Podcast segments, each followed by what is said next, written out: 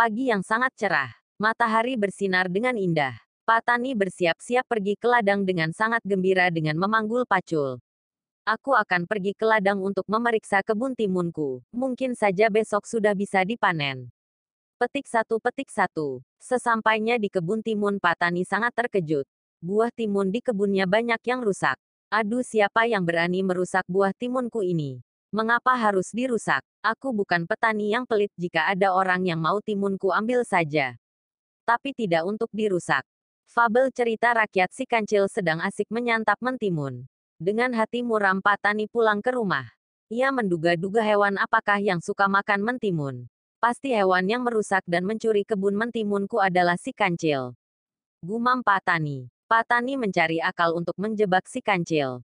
Patani akhirnya berhasil mencari akal untuk menjebak si kancil dengan membuat orang-orangan yang diberi pelekat sangat kuat. Menjelang sore orang-orangan itu sudah selesai dibuat dan dibawa ke tengah kebun timun untuk dipasang.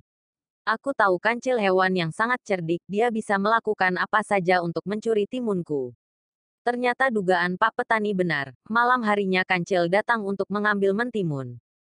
Kancil tertawa melihat orang-orangan yang dibuat Patani. Haha, hanya orang-orangan, siapa takut?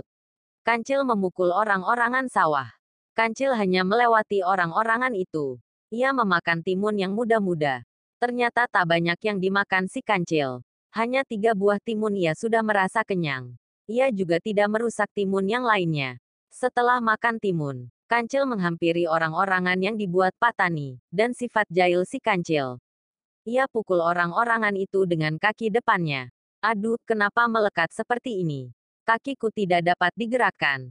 Kancil sangat kaget. Hei orang-orangan jelek, lepaskan kakiku. Kalau tidak, akan kupukul lagi kau. Kancil memukul orang-orangan itu dengan kaki yang satu lagi. Plak. Kini kedua kakinya menempel erat pada baju orang-orangan itu. Pelekat yang dipasang Pak Petani di baju orang-orangan itu sangat kuat. Kancil tak bisa melepaskan diri. Sekuat tenaga ia berusaha tetapi tidak berhasil.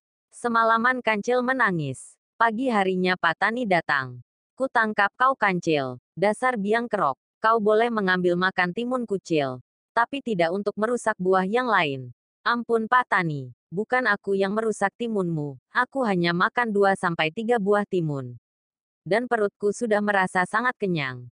Pak Tani tidak percaya dengan perkataan si kancil. Leher si kancil diikat dan diseret Pak Tani ke rumahnya. Ireng anjing Pak Tani heran melihat kancil sedang dikurung.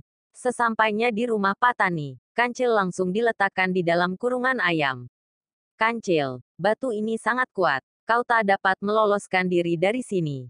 Aku akan pergi sebentar ke pasar untuk membeli bumbu sate. Ampunilah aku Patani, jangan sate aku. Dagingku pahit dan tidak enak. Si kancil merengek meminta ampun. Pada saat Patani pergi ke pasar untuk membeli bumbu sate, ada seekor anjing yang merupakan peliharaan Patani datang menghem. Iri kurungan si kancil. Anjing hitam itu bernama Ireng. Kenapa kau dikurung? Tanya si Ireng. Apa kau tak tahu Reng? Kancil membalas pertanyaan si Ireng anjing milik Patani. Katakan ada apa sebenarnya Cil? Petik satu petik satu. Begini Reng, aku ini akan dijadikan menantu oleh Patani. Makanya Patani pergi ke pasar untuk membeli makanan yang lezat-lezat untukku calon menantunya. Hah, kamu itu tidak pantas Cil. Badanmu kecil. Lebih baik aku saja yang menjadi menantu Patani. Aku sudah bertahun-tahun menjadi peliharaannya. Tapi Patani sudah memilih aku Reng. Sudah sana pergilah kau Ireng. Si Ireng tiba-tiba menggerang marah. Cil, kalau kau tidak mau aku gantikan sekarang juga batu yang ada di atas kurangan itu. Akan aku dorong dan lehermu akan kugigit sampai putus. Wah, jangan gitu dong. Mau apa tidak? Baik-baik aku turuti keinginanmu. Si kancil berlari sekuat tenaga menghindari kejaran si Ireng dan Patani. Si Ireng mendorong batu hingga terjatuh, kurungan itu terbuka dan kancil keluar dari kurungannya. Sedangkan Ireng menggantikan kancil masuk ke dalam kurungan. Selamat Ireng, sebentar lagi kau akan menjadi menantu Patani. Kata kancil sambil berlari kencang. Sesaat kemudian Patani datang.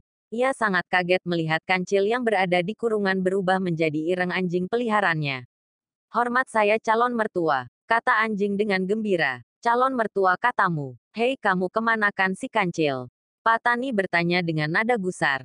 Sudah pergi ke hutan Patani. Kau sungguh-sungguh mau menjadi menantuku. Benar sekali Tuan, jawab si Ireng dengan gembira. Sekarang keluarlah dari kurungan itu, lo duduklah yang manis dan pejamkan mata. Aku akan segera memanggil putriku di dalam rumah. Ireng segera menuruti permintaan dari Patani. Dia sangat gembira karena akhirnya dia bisa menjadi keluarga dari Patani. Ini hadiah untukmu. Teriak Patani memukul kepala dan punggung si anjing. Tunggu, Black, Black, ampun. Si Ireng menjerit dan melarikan diri. Dia baru sadar bahwa telah terjebak dalam tipu muslihat si kancil. Ia sangat marah karena ditipu si kancil. Awas kau kancil jika nanti ketemu akan kugigit kau. Ireng yang sangat marah karena ditipu si kancil. Seluruh badannya masih terasa sakit setelah dipukul Patani. Anjing berlari sangat kencang mengejar si kancil. Kancil sudah mencoba berlari sekencang yang dia bisa. Namun kecepatan si kancil memang belum bisa dibandingkan dengan Ireng yang merupakan anjing pemburu, maka dalam beberapa saat si Ireng sudah bisa berada di belakang. Wah gawat, Ireng sudah berada di belakangku, kata kancil dalam hati. Aku harus segera bersembunyi.